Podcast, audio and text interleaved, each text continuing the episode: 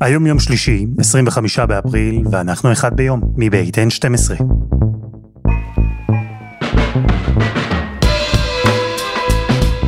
אני אלעד שמחיוף, ואנחנו כאן כדי להבין טוב יותר מה קורה סביבנו, סיפור אחד ביום, בכל יום.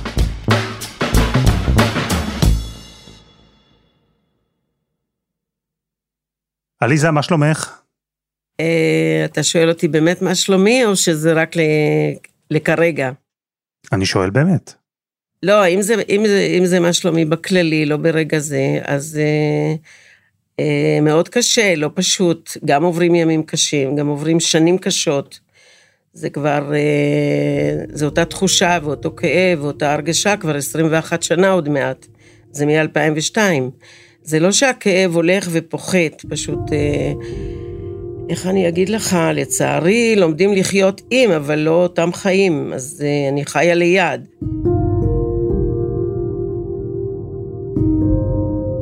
גם היום, שני עשורים אחרי, עליזה כהן עדיין מתקשה לענות על שאלה פשוטה, כאילו בנאלית. מה שלומך? היא לא הייתה כזו, להפך, אבל הכל השתנה, היא השתנתה, כששלומי נהרג. הוא היה ילד מאוד מאוד מאוד חייכן, ילד אה, עם המון המון טוב לב, שאני לא יכולה אפילו לתאר כמה טוב לב. כבר בכיתה ה' הוא אימץ ילד חריג. בזמנו של שלומי לא היו מפרידים את הילדים החריגים, והיה ילד חריג בכיתה, והוא אימץ אותו. הוא היה, כמובן, בן מאוד מאוד אהוב, ואח מאוד מאוד יקר. והוא היה חבר טוב, במלוא מובן המילה, בכל המובנים. זה התבטא בזה שהוא דאג לחברים שלו. אה, זה, אני אספר לך משהו אפילו מצחיק, שכשהוא סיים י"ב, והיו צריכים לנסוע ל, ליוון, אז ליווינו אותם לשדה, ואז אני רואה את ארבעת החברים שלו אה, מסתובבים ככה עם התיקים, ואז אני רואה שעל כל תיק כתוב ברק, שלומי, חן, כאילו, זה תיקים מהבית, זה תיקים של אחים שלו. אז uh, כל דבר הוא היה מתנדב, וכל דבר הוא היה נותן והיה עושה. שלומי רצה להתגייס לקרבי, רק לקרבי. הוא חשב על קורס טיס, התמיין לסיירות מובחרות, הוא רצה בסוף צנחנים, אבל שלומי נפצע. ובצבא הודיעו לו שאין ברירה, חייבים להוריד לו פרופיל. אבל שלומי התעקש, והתווכח, ועבר לשרת בנחל. הוא התקדם לפיקוד בגדוד נחשון, לתפקיד מ"פ. יש לי אלף ואחד סיפורים שלא שלומי סיפר לנו, שלומי לנו לא סיפר שום דבר. הוא לא סיפר לנו שהוא קיבל מצטיין בבקעה, הוא לא סיפר לנו שהוא קיבל מצטיין במקים. דבר אחד הוא לא יכל להסתיר מאיתנו, זה כשבאנו לטקס של קורס אה, קצינים, ואז אה, זה הפתיע אותנו שקראו לו לבמה ואמרו שהוא קצין מצטיין. אבל הוא לא, לא התפאר בשום דבר, לא סיפר שום דבר. ולחיילים שלו הוא לא יכל שיחסר להם שום דבר. הוא יכל היה להתקשר אליי ולהגיד לי, בשעה שש אחרי צהריים, להתקשר אליי ולהגיד לי, אמא, תקשיבי, אני בדרך, אני בשמונה בבית, אני עם שמונה עשרה קצינים, עם כל הצוות, אני מבקש להכין לנו אה, על האש. ככה, בשש. אני אומרת לו, שלומי, כפרה עליך, אתה בשש?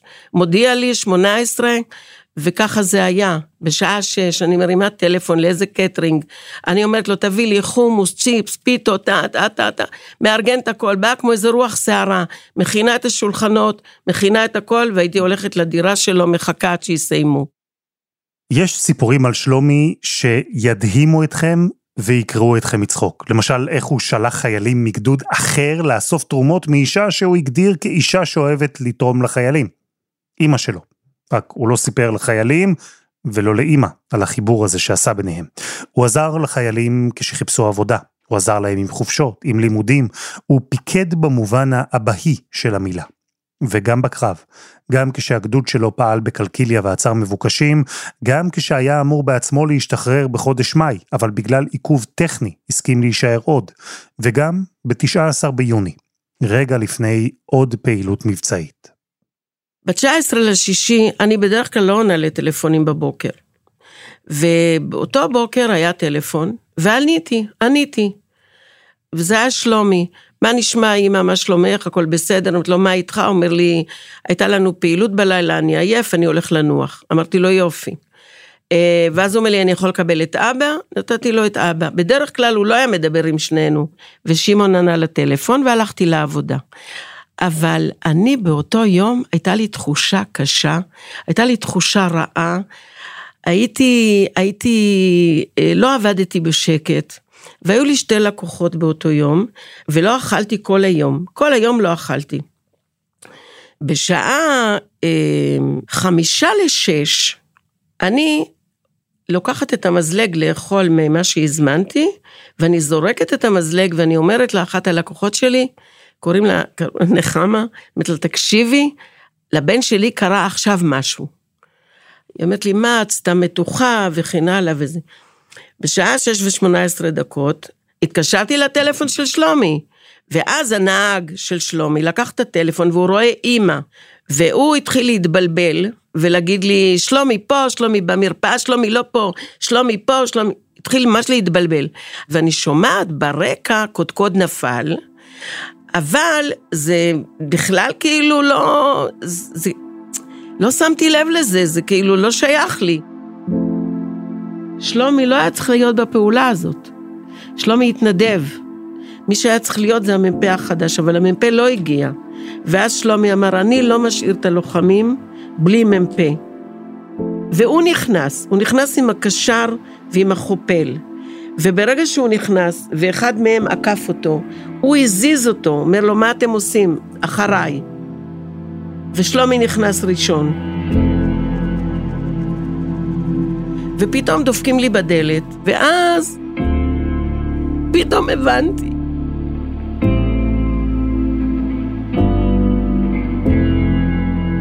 זה פאזל שהתנפץ, פאזל שהיה מחובר, התנפץ. אני עדיין מרכיבה חלקים, עדיין.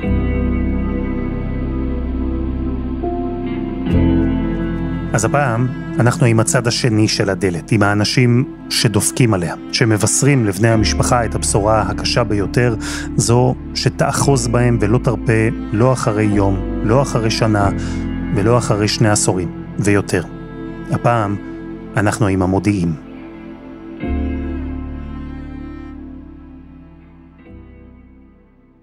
היי בלהה, מה שלומך?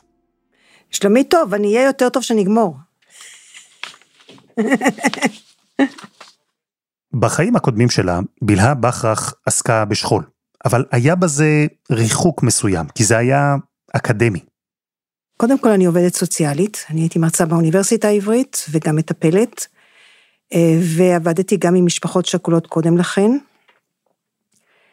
ובכלל, עוד uh, מימי נעוריי, עוד בתקופת מלחמת ששת הימים, התנדבתי בבית חולים תל השומר, ועבדתי עם uh, פצועים, שגם כן זה התמודדות עם אובדן, זה אולי לא שכול, אבל זה בהחלט אובדן של רגליים, ידיים, בריאות.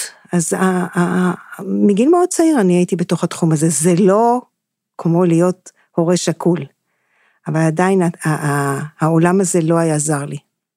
ובכל זאת, אני מניח שכשניגש להורים שכולים ולמשפחות שכולות, היה איזשהו פילטר, כלומר, אנשי מקצוע יכולים לשרוד בעיסוק בנושאים כאלה רק אם הם מצליחים קצת להתנתק. כן, מי שמצליח. ואת הצלחת? אה, הצלחתי, אבל אני, מתלמידיי דרשתי שיצליחו יותר, אני חושבת שאני די כישלון במקום הזה, אני די נמצאת עם המטופלים שלי, באופן כללי, מכל המטופלים, מכל הנושאים. אני גם מטפלת ב... אה, אנשים מתמודדים עם פוסט טראומה צבאית, וגם שם אני מרגישה שאני מעורבת יותר ממה שהייתי צריכה להיות, מבחינת ההרגשה שלי. לי זה טוב, לי זה מתאים, אני, זה לא מפרק אותי, אני חושבת שזה, לי זה מתאים. לא מומלץ לכל אחד, אני איתם ממש. אבל אני לא חושבת שזה מכין אותך להיות הורה שכול. יש הבדל בין לדעת תיאורטית לבין לחוות אה, את החוויה עצמה, גם כשיש קרבה גדולה. כן. אני יכול לשאול על המשפחה שלכם? על אוהד? אה, יש לנו שישה ילדים, אוהד היה מספר שתיים. היה קשה מאוד לגדל אותו, הוא היה מאוד מאתגר, כי הוא היה שובב גדול ומאוד מאוד מאוד חכם, אז תמיד אמרנו שהוא גדול על ההורים שלו בכמה מידות, וזה היה מאתגר. הייתה לו חשיבה נורא מיוחדת, שונה, יוצאת מהקופסה, ממש יוצאת מהקופסה, כזה של אה, תשבצי היגיון בגיל מאוד צעיר, והוא עשה דברים ש... לא מדריכה קונבנציונלית, למשל, אה, תחום הספורט שלו היה סייף. עכשיו, אני לא, לא הכרתי מישהו שהכיר מישהו שעסק בסייף. זו דוגמה, הוא גם היה טייל אה, קיצוני, הוא טייל בכל מקום. יש אומרים בחופשים, ויש אומרים שגם בתוך הלימודים הוא הרבה לטייל, ברוך השם שלא ידענו על כל הטיולים האלה. היה יוצר בתחום האומנות, עוד פעם, החשיבה היצירתית שלו. הוא היה מצד אחד איש מאוד, בחור מאוד ריאלי, וגם במקצועות הריאליים, מצד שני הוא אה, צייר אה, קריקטורות, הוא עשה דמויות מצחיקות מפימו, ממש יפות. זאת אומרת, הוא היה גם אה, איש רוח וגם איש ריאליה. זהו. איך הייתה עבורך החוויה של הגיוס של אוהד לצה"ל? זה, עוד לא הייתה לי את החוויה, כי ביום ראשון, הוא, הוא הלך לשלב החיול, נדמה לי שקוראים לזה ככה. ועד שכולם עוברים את המסלול הזה, מתחיל היום של הגיוס, או להפך. ואז שאלתי אותו אם אני צריכה כבר להתרגש, אז הוא אמר, לא, רק ביום רביעי אני אלבש את המדים. ואני באמת חשבתי שאני אמורה להתרגש, להתרגש בזה, זה הבן הראשון שלי. וממש רגע לפני שהוא לבש את המדים, רגע לפני שהוא התחיל טירונות, אוהד יצא לטיול. כן, כן, כן, הוא התלב... קודם כל, היו שתי התלבטויות. אחד, שהוא רצה ללכת למדבר יהודה, ונורא לא רציתי את זה, אמרתי לו, מה, שם הולכים גם לאיבוד ונופלים מסלעים וכל מיני דברים נוראים כאלה. ואז הוא אמר שהוא ילך לוואדי קלט, אמרתי, זה מצוין, מתחת ליישוב עברי, מה זה, 20 דקות מהמשרד שלי באוניברסיטה העברית, כלום. קרוב, מסודר, הייתי רגועה, ועוד דבר, אני תמיד אמרתי שצריכים ללכת שלושה לטיולים. אחד נופל שובר רגל, אחד נשאר איתו, ואחד הולך לבקש, לחפש עזרה. אז התפשרנו, זה היה רק שניים. והוא יצא בבוקר, ואפילו שאל אותי אם לקחת אה, נשק, אז אה, התלבטתי ואמרתי לו, תיקח, היה נשק שהוא יכול היה לקחת, אז תיקח איתך מה, מה שבטוח בטוח, לא שחשבתי שיצטרך להשתמש בזה. וזהו, יצאו. אוהד ואורי שחור יצאו לוואדי קלט, טיול אחרון לפני הצבא. ולבלהה, כמו לכל אימא, עברו שורה של תרחישי אימה מדאיגים בראש. התייבשות, נפילה, שאוהד ילך לאיבוד, כמעט הכל היה שם. כמעט. אבל לא מה שקרה שם בסוף. שמעתי בחדשות, בסיום החדשות של שעה שתיים. פתחנו את זה כשזה היה סיום, ואלה היו המילים. לסיום מהדורת חדשות עצובה זו, שני נערים ירועים נמצאו בוואדי קלט. ולא זוכרת מה אמרו אחר כך. קיבלנו את ההודעה הזאת, ואז התחלתי לטלפן, אה, זה היה מערוץ 7, אם היה להם אז חדשות, וטלפנתי לה, לה, למספר שהיה לי של ערוץ 7, ושאלתי אם הם יודעים יותר פרטים. ועוד פעם, כיוון שאני אשת מקצוע ורציתי שהם יגידו לי את זה לאט, אז אמרתי, מדברת בילה בכר, שאם הם ידעו שזה הוא, ידעו איך להגיד לי את זה. והם לא ידעו, ואז התחלתי להתקשר אה, למועצה האזורית שלנו, בנימין, למוקד הצבאי שיש שם, ושכנה ישבה איתי, וזהו, וחיכינו, וחיכינו, וחיכינו, וחיכינו, ואני מתקשרת כל כמה דקות אה, למוקד, וכל כמה דקות הם דוחים אותי בקש. ואחד, מי, מי שענה לי כל הזמן במוקד, זה שכן מהיישוב, יעקב גוטמן שמו, ובפעם האחרונה שהוא אמר לי, דקה ואני חוזר אלייך, סגרתי, נפתחה הדלת, נכנס מנהל, דווקא לא איש צבא, מנהל אה, מחלקת הרווחה, שאני קדמתי לו בתפקיד של המועצה, ולא היה צריך להגיד שום דבר. אז אמרתי, אני מבינה שזה אוהד. אז הוא אמר לי, כן. אז שאלתי, למה שלחו אותך לבד? ואז הוא פתח את הדלת וראיתי המון אדם עומד אצלי בחצר בדממה כזאת שבתוך הבית לא שמעתי דבר. וברגע הזה, ברגע שבו נשמעה הדפיקה בדלת וכבר הבנת, בלי מילים, שקרה אסון, אני מניח שברגע הזה אשת המקצוע העובדת הסוציאלית המנוסה, הוותיקה, המומחית לשכול ולאובדן, היא נעלמה, ונשארה בך רק אמא של אוהד. אני לא יכולה לענות לך. אני חושבת שכן. אמ, אני יודעת שאמרתי את המשפט, השני אחרי שאמרתי לו למה שלחו אותך לבד, אמרתי את הנעשה אין להשיב.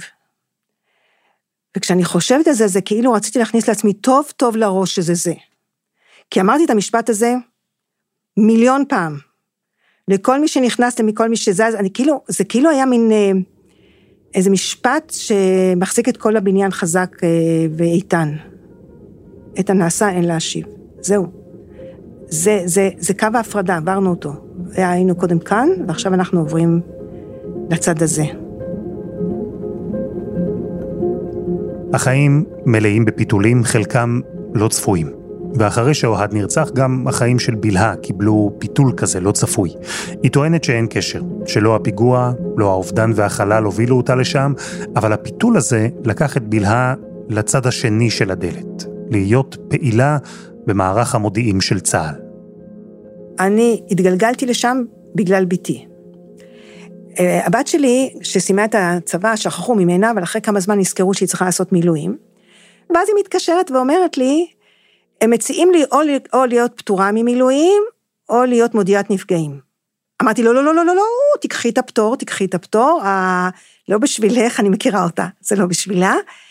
וזהו, היא לקחה את הפטור. ואז, כשהייתה לי שיחה עם קצינת הנפגעים, נפגשנו דווקא אצלי, אצלי באוניברסיטה, ובסיום השיחה אמרת לה, תשמעי, יש לי שאלה אלייך, למה לוקחים כאלה ילדים צעירים, אני חושבת שהייתה בת 23, 24, למה לוקחים ילדים צעירים לתפקיד כזה? אז היא אומרת לי, למה, את מוכנה לעשות את זה? אז אמרת לה, תשמעי, לא חיפשתי תחום הת, אה, אה, התנדבות, אבל אם צריך אני אעשה, וזהו.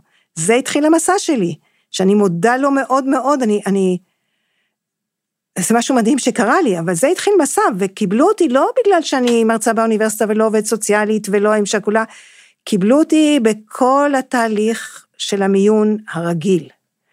ואפילו אני העליתי את ההתלבטות, אם זה נראה להם שבגלל שאני אם שכולה זה לא טוב, אז אני לא מתעקשת. אני באמת באתי כי הבנתי שצריך, ואז התקבלתי, ואז עברתי קורס, כמו כל אחד אחר, אה, ומאז אני שותפה לחבורת אנשים אני לא רוצה להגיד לעצמי, אבל הם מופלאים, מופלאים. ורק להיות חלק מהחבורה הזו זה כבר דבר מספק. מערך המודיעים של צה"ל מורכב מ-900 אנשי מילואים, בגילאי 30 עד 75. כולם מתנדבים.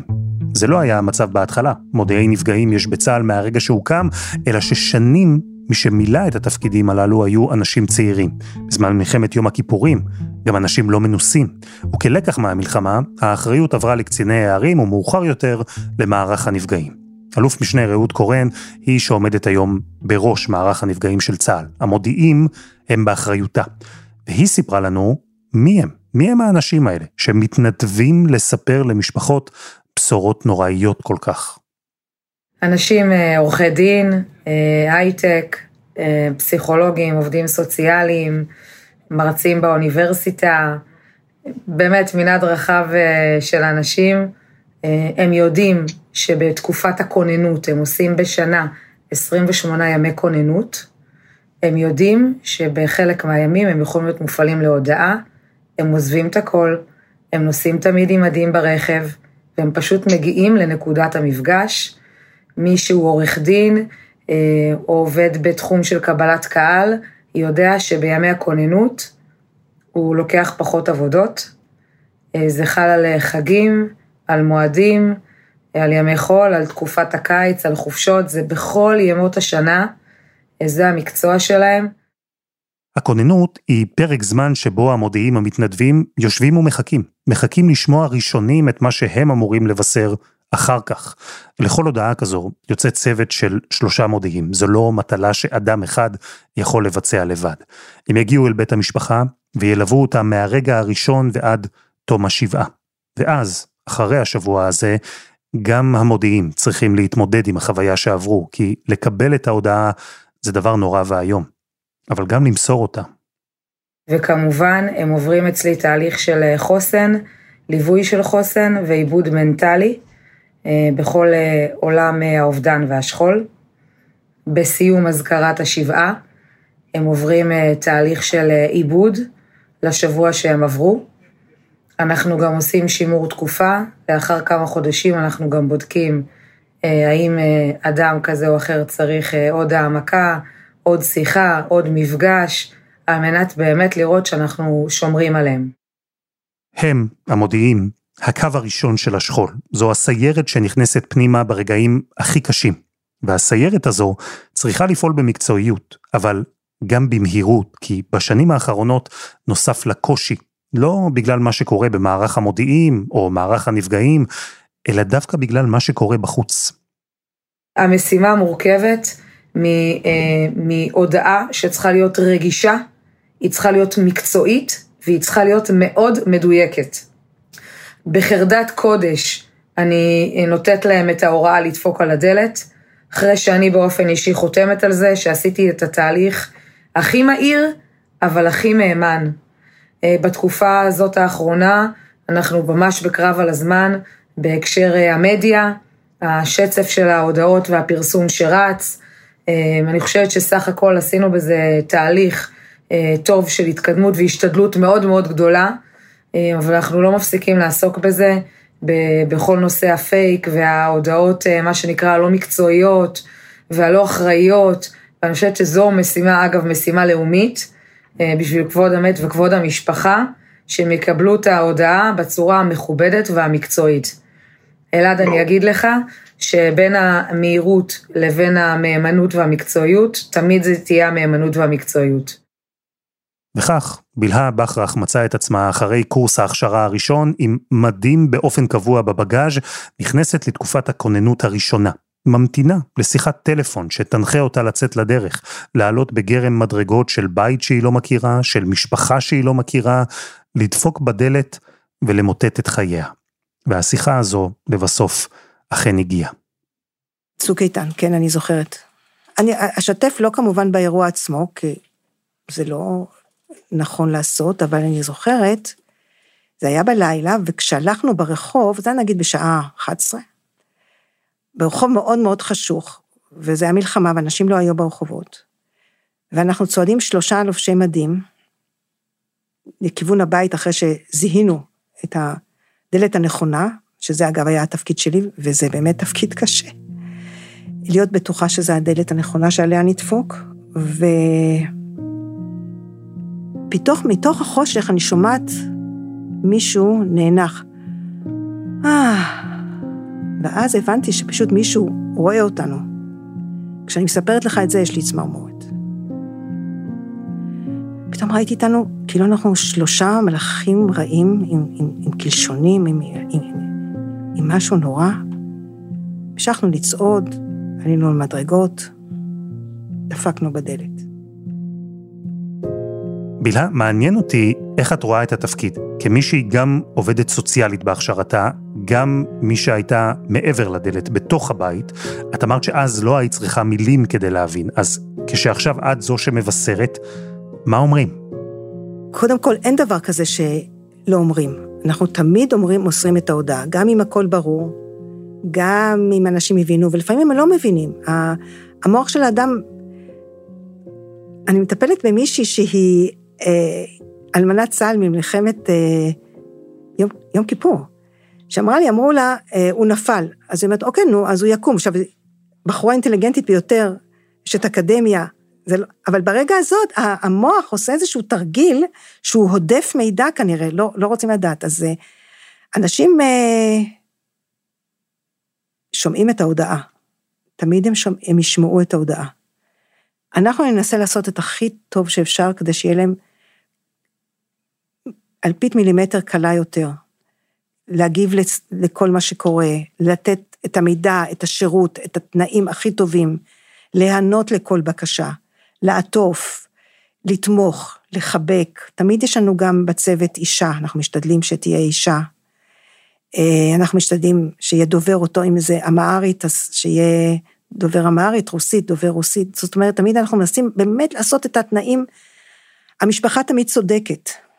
מבחינתנו, המשפחה תמיד צודקת, ואנחנו מלווים אותם, אנחנו מלווים אותם כל השבוע.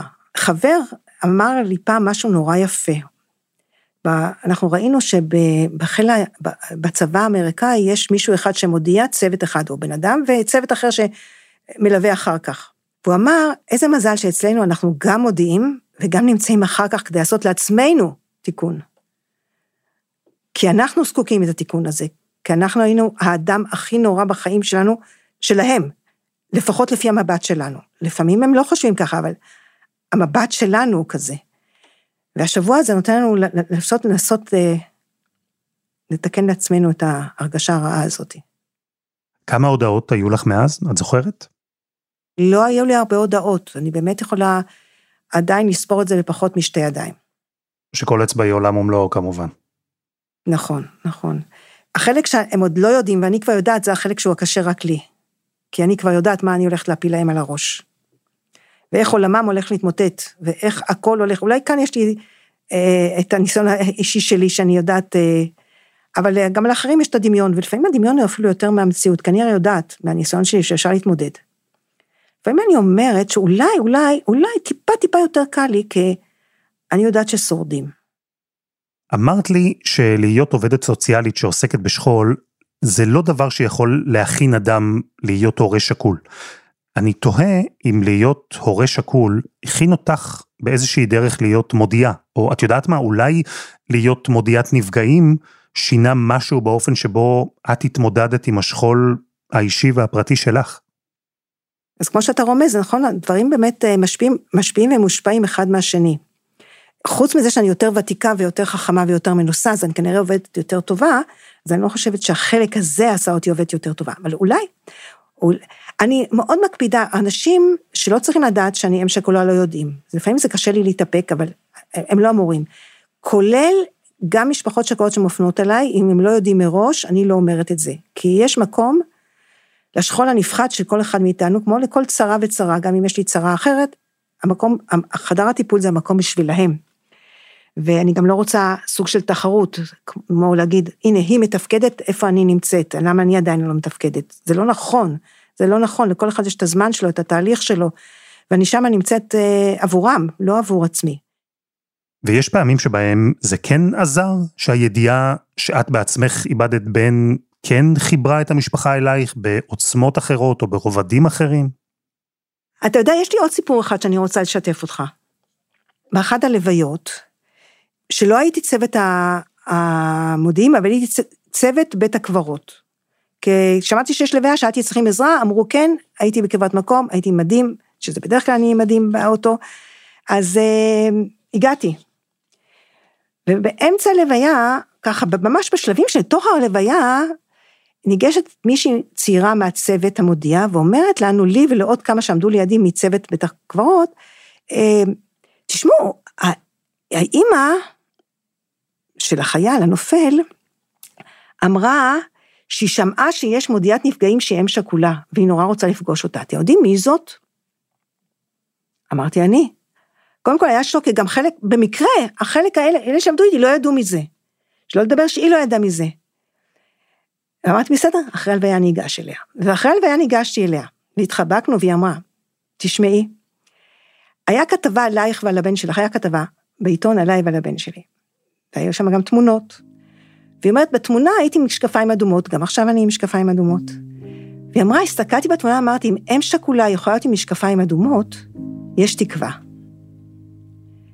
התחבקנו שוב פעם, ובשבעה שלחתי לה משקפיים אדומות, שיהיו לה גם כן. וזה, וזאת החוויה שנורא מחברת את שני הדברים, של המשקפיים האדומות האלה, שלי כאם שכולה, ושלה כרואת תקווה במשקפיים ה... זהו.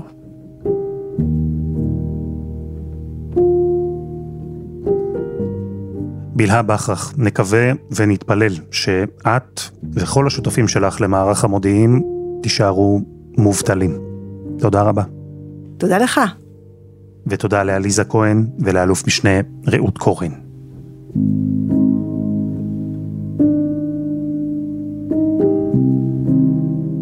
וזה היה אחד ביום, של N12, העורך שלנו רום אטיק, תחקיר והפקה, דני נודלמן, רוני ארניב ועדי חצרוני, על הסאונד יאיר בשן, שגם יצר את מוזיקת הפתיחה שלנו, אני אלעד שמחיוף, אנחנו נהיה כאן שוב ביום חמישי.